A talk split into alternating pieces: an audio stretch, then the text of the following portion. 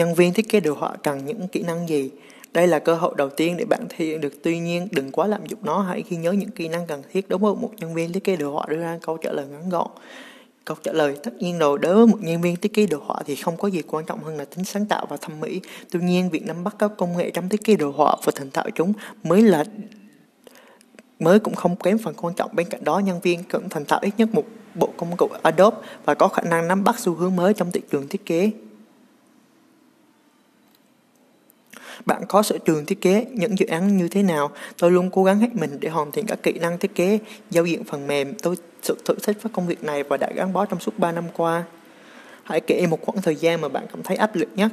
Ở công ty cũ chúng tôi thường xuyên nhận được những dự án gấp và thù lao thì lại không cao. Thời gian đầu tôi cảm thấy rất áp lực, chán nản khi thường xuyên phải làm thêm giờ, làm việc vào cuối tuần và không được trả thêm lương. Nhưng rồi tôi nhận ra rằng những gì mình học được không thể tính bằng tiền. Tôi đã học được cách quản lý thời gian tốt hơn, một cách chia sẻ công việc với đồng nghiệp một cách khoa học để tận dụng được thế mạnh của tất cả mọi người và đặc biệt là khả năng đàm phán với khách hàng để tăng mức thù lao. Bạn có thường sử dụng phần mềm thiết kế nào?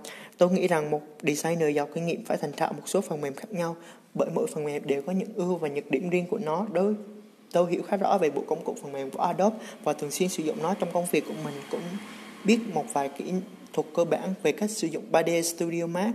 Quy trình làm việc của bạn diễn ra thế nào? Trước khi bắt đầu một dự án, tôi sẽ đặt ra những bắt mốc thời gian cụ thể khi nào phải xong, bản thảo sơ bộ khi nào phối màu, khi khi nào gửi cho khách hàng. Sau đó tôi sẽ bắt đầu với thiết kế và thường làm tới 3 đến bản nhánh trước khi đưa đến một bản hoàn chỉnh.